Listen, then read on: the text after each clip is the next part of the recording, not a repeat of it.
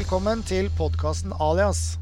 I studio sitter forfatterne Ørjan Norhus Karlsson og Øystein Hansen. Alias tar for seg temaer som etterretning, spionasje, krim, fake news, korrupsjon og terror. Sikkerhetspolitiske og samfunnsaktuelle temaer som også danner grunnlaget for bøkene vi skriver. All research er fra åpne kilder.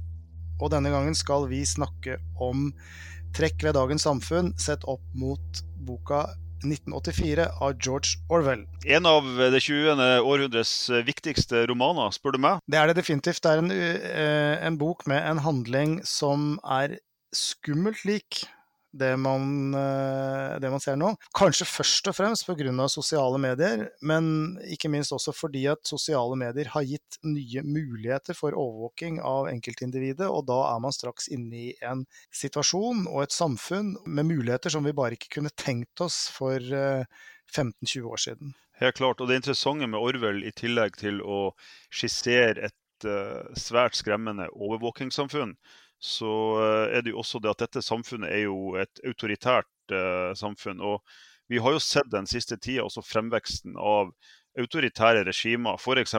på Filippinene, i Brasil, Uh, og, og, andre steder. Dette blir nesten som en sånn perfekt storm. Men helt først er det litt påtagelig at de, de regimene som i utgangspunktet har kan jeg si, lav grad av demokratisk utvikling da, vi, vi, Siden vi er i Vesten og vi er i Norge, så forutsetter vi jo fortsatt at um, det er et ønske å ha størst mulig grad av demokrati. Og i de landene som har lav demokratisk utvikling og lav grad av statsdannelse, slik vi kjenner dem, de er også de, de raskeste til å gripe til disse kontrollmulighetene som kommer med sosiale medier. Og Det er egentlig ganske skremmende å se hvor lik den utviklingen er. Det totalitære regimet og den sterke lederen da, som portretteres storbror i, i, 1984. Før vi går litt mer inn i, i, essensen på hvordan Orwells bok kan leses opp mot uh, hvordan det ser ut i dag, så kunne det også være interessant å bare ta litt om bakgrunnen. Absolutt. Orwell heter jo egentlig Eric Arthur Blair. Og eh, faren hans var interessant nok en eh, britisk tjenestemann i India. Og, og, ikke bare det. det altså, dette var jo på den tida der India lå under eh, britisk overherredømme. Han jobba i det som litt sånn kleint oversatt kan kalles for opiumsdirektoratet i India.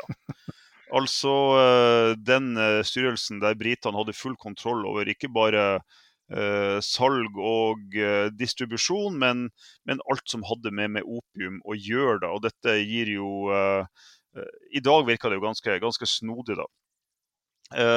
men den godeste Orwell han er i stort kjent for særlig to bøker, to romaner. Det ene er 'Animal Farm', og det andre er 1984. Og, eh, og, de to uttrykkene han kanskje er mest kjent for der, er jo 'Storebror ser deg', som er tatt fra 1984. Og så er det i Animal Farm så er det vel uh, grisen Napoleon som sier noe sånt som at uh, alle dyr er like, men noen dyr er likere enn andre. Det er også et sånt uttrykk som har blitt, uh, blitt stående. Orwell hadde, han beskriver seg sjøl som kom fra sånn lavere middelklassebakgrunn hadde egentlig en, en grei oppvekst. Var, så vidt man kan forstå, en briljant elev. Og gikk på Eton etter hvert uh, på, uh, med stipend fra, fra staten. da. Uh, han ble faktisk bare 46 år gammel. Han døde året etter at 1984 hadde kommet ut. Boka ble skrevet i 1948. utgitt i 1949, og, og, George Orwell døde da av tuberkulose i, i 1950. Storebror ser deg det er jo eh, det begrepet man kjenner best, eh, husker best fra den boka. Det blir brukt eh, igjen og igjen og igjen. Det har jo til og med avstedkommet et realityshow som vi alle har sett en, en eller flere episoder av. Slik jeg ser dette her, og det, det, er ikke sikkert at det er riktig, men hans framtidsvisjon var jo for 1984, og sett fra 1948 så var nok det veldig langt fram. Og da kunne man tenke seg at teknologi ville få en, en slik mulighet, eh, eller gi eh, folk med dårlige intensjoner da, en slik mulighet til å eh, kontrollere menneskene i et samfunn. Mm. Men det tok lengre tid. Ja, det gjorde så. Men jeg vil nesten si at når vi har kommet til 2014, da, for å bruke, ha et årstall som slutter på fire, da var vi der. For da hadde man eh, fått en så stor utbredelse av sosiale medier at muligheten til å fotfølge og overvåke og påvirke store deler av en befolkning, den var definitivt til stede. Ja, ja helt klart. Og, uh, men, men det, det, er også interessant, for det at når Orwell, uh, når Orwell skrev 1984, så var han også veldig opptatt av hvordan Sovjetunionen så ut, og hvordan, hvordan den på den tida undertrykte befolkninga. Og, og, selv om man ikke hadde de teknologiske hjelpemidlene som man har i dag, så var det ikke noe tvil om at den totalitære regimet i Sovjetunionen, der man hadde fullstendig kontroll av det enkelte individets hverdag, enten ved at de faktisk ble overvåka eller at man ble tysta på sin egen nabo, gjorde at man hadde nærmest en slags form for orwelliansk kontroll eh, da også. Og Et eksempel på, eh, på, en annen ting som vi kan snakke om når det gjelder Orwell, nemlig det å tilpasse fortida nåtida, det er jo at man ser jo en god del av disse bildene som ble stående igjen av eh, eller regjeringsmedlemmer eller andre som var viktige for Stalin. Hvis de falt i unåde, så blir de retusjert bort av disse bildene etter hvert. Slik at de faktisk mista sin plass i historien, rett og slett. Det tydeligste bildet, det man husker best fra eh, å ha sett de utallige variasjonene og omslag på denne boka, mm. den ble jo også filmatisert, det er jo kameraer. Ja. I dag har vi en situasjon hvor veldig stor del av svært mange store byer uh, og bortimot hele land i verden er dekket av kameraer. Du blir filmet og fotografert når du beveger deg rundt i det offentlige rom i veldig stor grad av svært mange kameraer i mange land. Ja. Uh, og noen, noen, byer har jo ekstremt mange kameraer. Uh, det, det finnes en liste over dette på, på nett, og ikke uventa så er topp fem det er kun uh, kinesiske byer og byer. En by som kanskje de fleste i hvert fall kjenner godt til og har et forhold til, det er da Shanghai. Den ligger på tredjeplass. og Der er det 113,46 kamera per 1000 innbyggere. Men, uh, men, kanskje overraskende er jo at London ligger på sjetteplass. Uh, I London så har man da 68,40 kamera per 1000 innbyggere. Og, og, hvis man da forestiller seg disse kameraene i et storbymiljø, altså i en metropol, så er det ganske lett å forestille seg at det vil være mulig å spore uh, hvordan en person beveger seg uh, gjennom denne byen fra, nærmest fra A til Å. Der ser vi jo på alle krimserier fra Storbritannia også at det første de er ute etter politiet der, og det er nok helt sikkert reelt, der finnes det av kameraer. Hva sier eh, Eh, gateovervåkingen om denne personens bevegelser. Mm. Uh, og Man ser jo her i, uh, ellers på denne lista, det er sånn topp 20-liste her, så er det, uh, det er tre europeiske byer der. altså Det er som sagt London på sjette. og så har man Moskva, da, hvis man utvider det europeiske begrepet litt som ligger på en 18.-plass, og Berlin på 19.-plass like bra og like bak. Og både i Moskva og i Berlin så er det ca. 11,50 eh, kamera per 1000, 1000 eh, innbyggere. Så, det, så det, det, setter jo også, sånn som jeg ser London i en særklasse eh, når det mm. gjelder, når det gjelder overvåking av, av egne innbyggere. Det er litt sånn rart å tenke på at Storbritannia, som vi jo ser på som et svært uh, godt fungerende og trygt demokrati, har et behov for så vanvittig tett overvåking mm. som de har. Men de har jo selvfølgelig dette terrorargumentet da, som kommer tilbake igjen og igjen og igjen. Ja, altså De har jo det, hvis du går tilbake til altså konflikten rundt Nord-Irland, så satt nok den seg ganske godt i den britiske befolkninga. Og så fikk de jo disse terrorangrepene på, eh, på metroen, eller på T-banen, da, eh, noen år etter 9-11. Og det er klart at uh, dette i tillegg til uh, andre angrep, og der man har hatt uh, sporadiske knivstikkinger på Tower Bridge og, og folks terrorister som har kjørt inn i folkemengder med bil, har nok også gjort at man på den ene sida ser behovet for en, en, ganske heftig overvåking. Og på den andre sida vil jeg nok tro at toleransen for den overvåkinga nok er høyere i London, rett og slett fordi at man kan peke på hendelser som man prøver å forebygge ved å drive med denne type overvåking. Men det er likevel et paradoks at uh, såpass demokratisk bevisste mennesker som britene jo er, så aksepterer de dette her, for de mener at det er en pris de må betale da, for å være sikre i egen by. Det hadde jo vært ekstremt interessant å høre hva salige Orwell hadde, hadde, ment om akkurat dette. Altså, det, er jo, det, er jo, en, det er jo en skjebnens ironi at, uh, at det samfunnet han beskriver, som da er Storbritannia i 1984 uh, nå ender opp med å være på ei, uh, ei topp 20-liste og øverst opp som europeisk land, uh, som da strengt tatt kanskje ikke er i plassering du sånn i utgangspunktet ønska deg. Han hadde vel vridd seg i grava over dette her? Jeg vil tro det. altså. Det, det, det er vanskelig å si. Men altså, Orwell var jo en, en liberalist og en sosialdemokrat og en antiautoritær forfatter. og jeg tror nok at i hvert fall i et sånt perspektiv der man, man, ikke kan bevege seg uten at man blir filma, så vil han nok ha agrøsta på ryggen, tenker jeg. Denne formen for informasjonsinnsamling, da, som en konstant overvåking av mennesker i det offentlige rom, i form av både lyd- og bildeopptak, det gir jo myndighetene enorm eh, innsikt i den enkelte det enkelte borgers bevegelser, hvem vedkommende har samkvem med.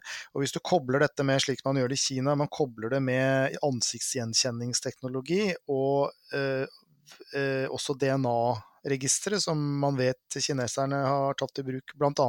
Eh, eh, når de ønsker å holde kontroll på, som de mener de trenger, eh, i gurene, mm. så får du ekstremt kraftfulle overvåkingsverktøy, og i hvert fall hvis dette kobles også opp mot muligheten til å tappe informasjon fra sosiale medier, som vi også vet at det er jo det er flere uh, av disse forsvarsteknologiselskapene som tilbyr svært effektive verktøy som setter uh, et regime med dårlige hensikter i stand til å nærmest uh, ha full kontroll over innbyggerne.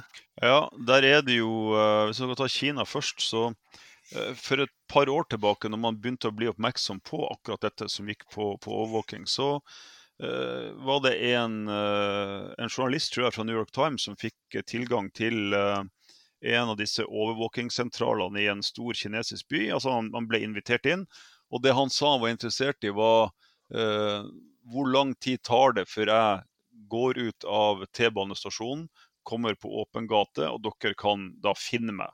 Eh, underforstått pågripe meg. Og De, var, de syntes det var greit, de ville gjerne prøve dette. og Uh, han ble jo plukka opp, og da kunne han gå ut på så vidt jeg forsto, en helt vilkårlig T-banestasjon, så han kunne velge den sjøl. Fra han gikk ut og til han ble stoppa, så gikk det vel to eller tre minutter. Og dette er en stor kinesisk by. Så det er allerede da, og dette er en tre-fire år tilbake i tid, så er det, er det ganske heftig. Men, men, det du var inne på, Eistein, det er jo at uh, det fins jo det fins jo produkter i dag som, uh, som uh, man kan nærmest bruke uh, som, som, gjør bruk av de åpne kildene som ligger der allerede. Og, og et av disse finner du jo faktisk i USA. Forsvarsprodusenten Raytheon har laget et uh, program som kom på markedet i 2013. Uh, eh, hvor mange versjoner av det, om det kanskje er skilt ut i flere versjoner nå, det, det vet vi faktisk ikke. Men uh, det er jo slik at Og det heter Riot. og metoden der er at man samler inn informasjon fra sosiale medier for å se på innlogginger. Man ser på hvor folk har eh, sjekket inn også, for det er, det jo mange av oss som gjør hvis man går inn i en kafé eller et eller annet sånt. Men hver gang du gjør noe sånt, så betyr det jo at det sier noe om hva er din preferanse. Du ønsker å gå inn i den butikken, du ønsker å gå inn på den restauranten eller den konserten. Det sier noe om deg som menneske. Alt dette kan settes sammen til et mønster som gjør at du kan begynne å danne personligheter, eh, digitale personligheter, som en slags speilbilde av deg selv. Og da får du jo en, en, en veldig eh, voldsom og veldig skummel oversikt over hva man tenker at de borgerne i et samfunn vil gjøre. Hva tenker de, hva er deres politiske preferanser? Hvordan kan dette komme til å se ut i framtiden? For du kan jo begynne å analysere dette her og si at ja, nå har vi så og så mange som har den preferansen. Hva betyr det om noen år når det har vært et nytt valg? Mm. Ønsker vi det? Nei, det har vi ikke noe lyst til. Vi vil heller beholde kontrollen selv, så da må vi gjøre noe her. Etc., etc. Dette er jo en uhyre skummel tanke. Ja, helt, helt åpenbart. Og, og, i tillegg til uh til Riot så ble det jo lansert nå for ett eller to år siden et, uh, en app som heter Clearview.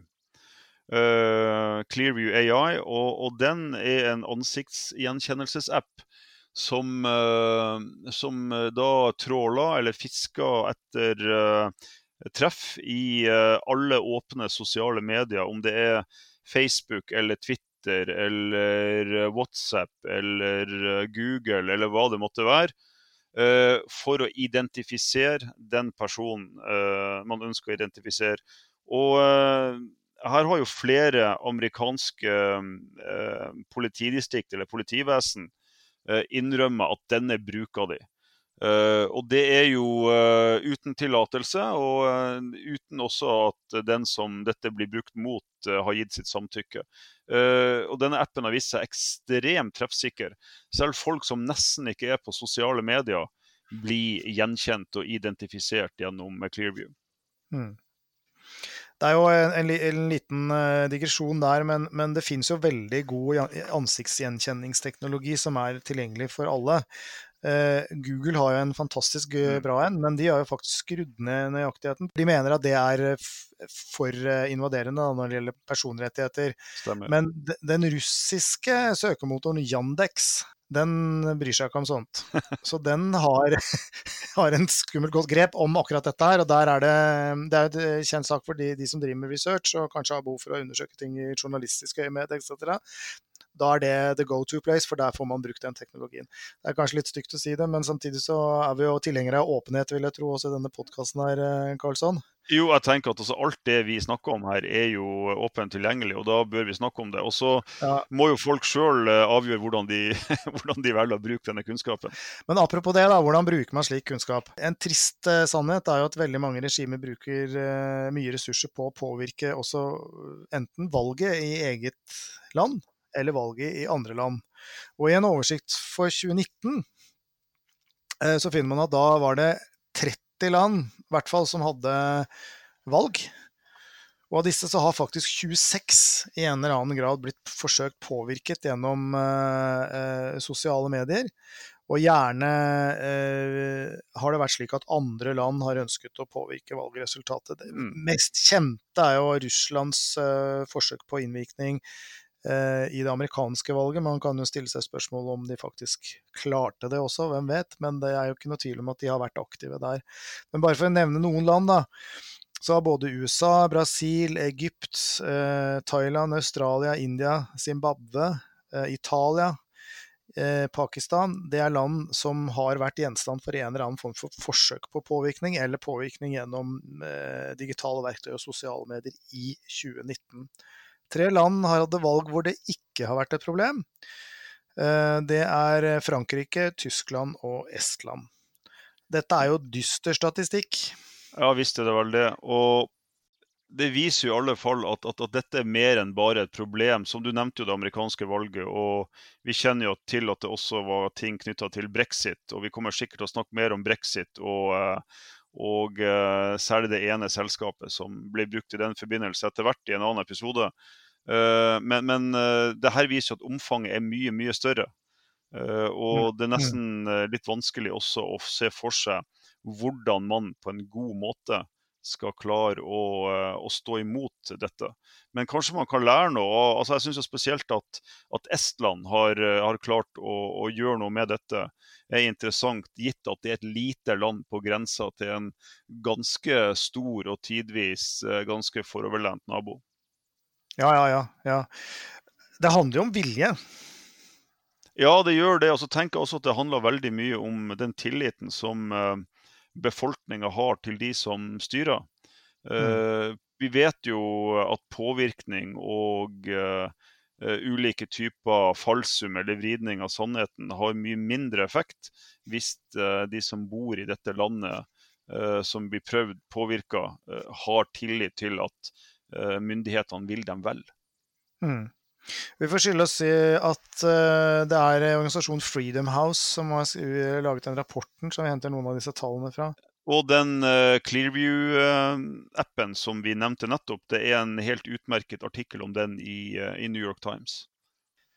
Men hvis vi går tilbake til utgangspunktet da, for denne mm, episoden eh, George Orwells 1984, så er det et annet sitat fra den boka som har festet seg hos meg. Og det er eh, den som kontrollerer fortiden, den kontrollerer framtiden. Og den som kontrollerer nåtiden, har kontroll på fortiden. Og det setter et veldig sånn klart prinsipp for hvordan man driver propaganda. Helt klart. Og i, i 1984 så er det da uh, Sannhetsministeriumet i, uh, i boka som, uh, som, styrer med dette. Og, og, ser til at det som til enhver tid er ledelsen, da, å lese storebrors holdning og, og motivasjon for å gjøre ting. Altså man, I 1984 så er man jo hele tida i konstant krig med ulike land. Og I det øyeblikk eh, allianser skifter og fiender blir venner og venner blir fiender, så sitter disse i Sannhetsministeriet og omskriver historien, slik at eh, det ikke vises i de historiske loggene at man var uvenn med dette landet eller venner med det landet. Man tilpasser rett og slett historien til å passe nåtida. Dette er jo som et ekko av disse trollfabrikkene, f.eks., slår det meg? Ja, ikke, ikke, helt klart, altså. Og man, man, vrir og vrenger på etablerte sannheter til man på et eller annet tidspunkt sitter og lurer på om den sannheten var så etablert som man kanskje trodde den var. Og da er man jo allerede ute på ganske gyngende grunn. Og aldri i noen podkast har det vel vært, vært, mer modent å snakke om Donald Trump enn akkurat her. For at hans Twitter-bruk og hans uh, måte å alternere sannheten etter hva som er akkurat uh, passer han akkurat her og nå, passer hans versjon av uh, hvordan han vil ha det uh, i dette øyeblikk, det er jo som om det skulle vært dratt rett ut av dette sannhetsministeriet. Eller ministeriumet, kanskje det heter. Ja, det er sannhetsministerium, ja. Og ja, det er akkurat sånn. Jeg mener, vi tar jo dette opp i mens det er korona både her og der. Og man ser jo allerede at presidenten sine Twitter-meldinger nå er i ferd med å reflektere en, en, litt annen sannhet. Eller for å bruke uttrykket som en av hans nære medarbeidere, Kellyanne Conway, sa alternative fakta er vel det som Trump holder på mm. med nå. Der, der, Trump da helt klart gjør justeringer, sånn at det skal se ut som at han reagerte på en sånn måte Eh, at han var foroverlent og gjorde de riktige tingene på rett tid eh, knytta til korona. Så han skriver om sin egen historie og bryr seg bare rett og slett ikke om at det er fullt ut dokumenterbart hva han sa for to måneder siden eller tre måneder siden. Det gjelder jo nesten enhver politisk sak han er inne i, har jeg inntrykk av. Det er veldig sjelden man får en en ren linje med et retorisk poeng og et, et, et, standpunkt som er helt ufravikelig hele veien, bortsett fra kanskje denne muren, da, så han jo, hopper han jo fram og tilbake, alt avhengig av hva som passer i øyeblikket. Men man kommer unna med det.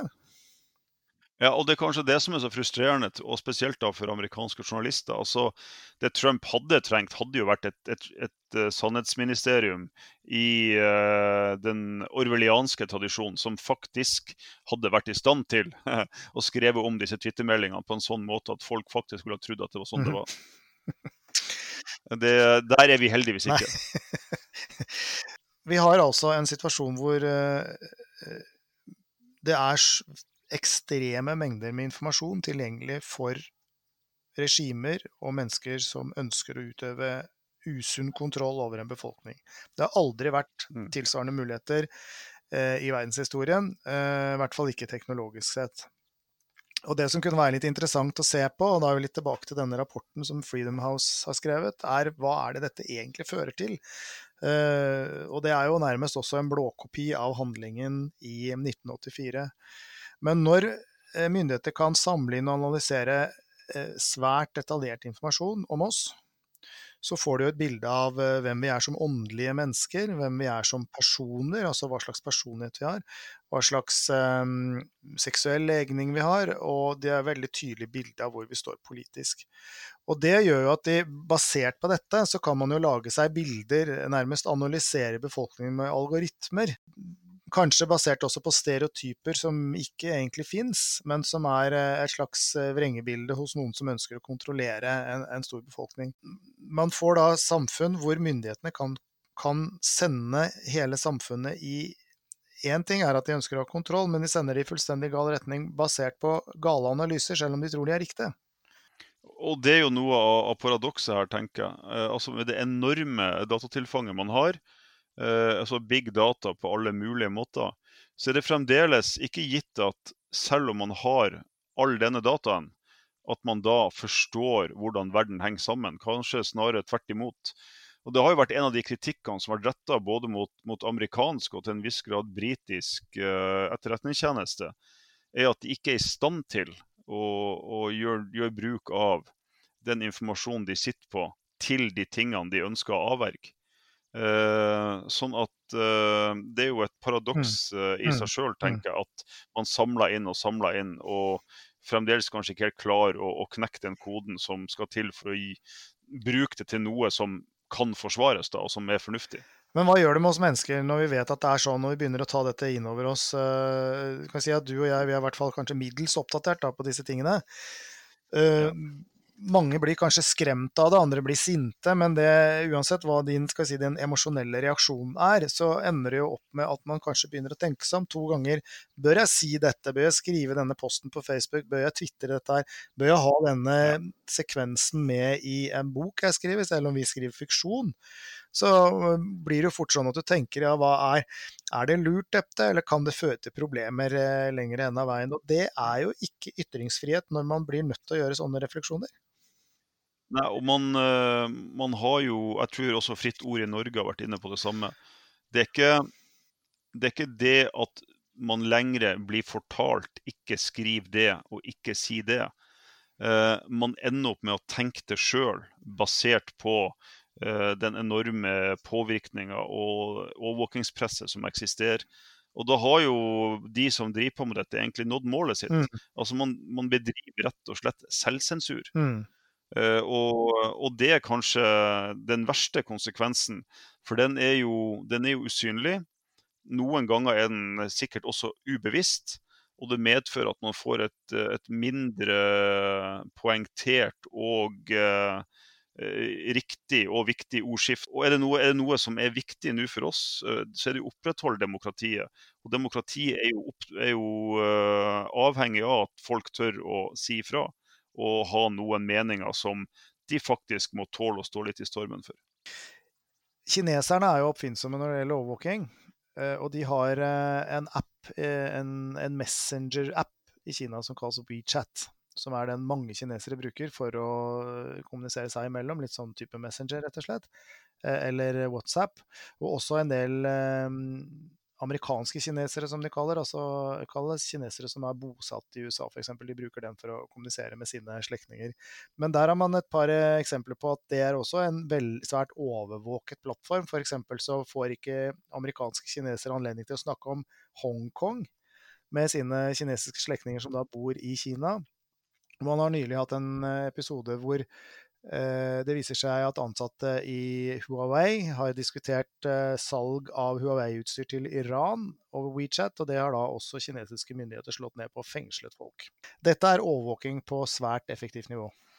Ja, du, du, kan faktisk også langsomt si at dette er overvåkning på The Sims-nivå. For WeChat uh, er jo en app som, uh, som, du, som, du, sier, den blir overvåka. Men den er jo laga et firma som heter Tencent.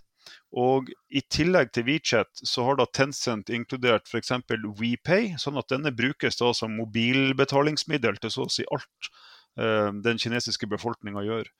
Eh, det er faktisk WeChat som nærmest er den økonomiske eh, drivhjulet for den vanlige kineseren. Om du nå enten bestiller mat som skal bli levert til deg hjemme, eller om du skal ta en, en kinesisk Uber. Eh, det heter da ikke Uber i Kina, men eh, no, noe annet. Sånn at WeChat er blitt helt sentral. Og det som da skjer, er at uh, kinesiske myndigheter har da innført et sånn poengsystem. Det vil da si at hvis du går på rødt lys, eller på annen måte bryter lover og retningslinjer, så kan du da få uh, minuspoeng som da blir logga i denne, denne, appen. Og Blir det ille nok, så ender du opp med at du ikke får lov å ta tog, ikke får lov å reise ut av regionen du bor i, ikke får lov å ta fly. Og Alt dette er jo da som et sånn, sånn gigantisk uh, Sims-eksperiment, egentlig. Uh, som, uh, som, gjør at denne overvåkninga da også blir synlig for andre. altså De rundt deg vil da vite at du ikke har de rettighetene som de andre har gjennom denne appen. Det er jo ganske, jeg vil jo si, oppfinnsomt uh, og litt skummelt. Det er orwellsk. Veldig orwellsk. Men det man ser her, og det er jo en forferdelig trist ting, det er jo at disse mekanismene, disse kontrollmekanismene fører jo til at uh, selv i samfunn hvor man i utgangspunktet har, har uh, frie demokratiske rettigheter, så blir folk mer skeptiske ikke bare til å uttale seg og ytre seg, og ha meninger, men de blir også skeptiske til å engasjere seg og kanskje være med i foreninger etc. som jobber med kontroversielle ting, rett og slett fordi at de vet det er så stor grad av enten si, kollektiv kontroll, eller i noen grad også at myndighetene kan finne på å blande seg. Hva skal vi si til det? det har ikke alle lest 1984? altså, Hvis dere ikke har lest 1984 før dere hørte denne episoden, så håper, håper i alle fall jeg, da, og sikkert Eistein også, at, at dere uh, altså, hører på den som lydbok eller leser den. Det er en fantastisk bok. og Det som er så skummelt, er at du blir sittende og, og nikke og tenke at jo, sånn er det faktisk. Men bare for å legge inn et sånn aldri så lite sånn apropos helt på tampen her. Uh, selv i sunne samfunn som Norge, der ytringsfriheten står veldig sterkt, så hender det jo at folk ikke deltar så mye som de burde i ordskiftet. Og Da handler det ikke så mye om myndighetene, men mer om hva trollfabrikker og uh, nettroll kan finne på å utsette deg for når du stikker hodet frem. Sånn at uh, om det ikke er myndighetene, så er det andre som ser sitt snitt til å bruke nettopp den ytringsfriheten vi har, til å gjøre det vanskelig og i alle fall krevende og, og være så frittalende som man skulle ønske at man kanskje var. Så hvis vi skal oppsummere denne episoden, eh, så er mitt bud i hvert fall at uh, du må lese 1984. Og så må du ikke slutte å skrike høyt om ting du mener er galt. Nei, det tenker jeg er ei fin oppsummering. Skrik høyt, eller i alle fall si fra, tenker jeg. Delta. Man sier at det å stemme er en borgerplikt, men, men det å ytre seg om ting som opptar en, uh, er ganske høyt på lista, det også. Takk for at du hørte på. Vi er tilbake neste uke.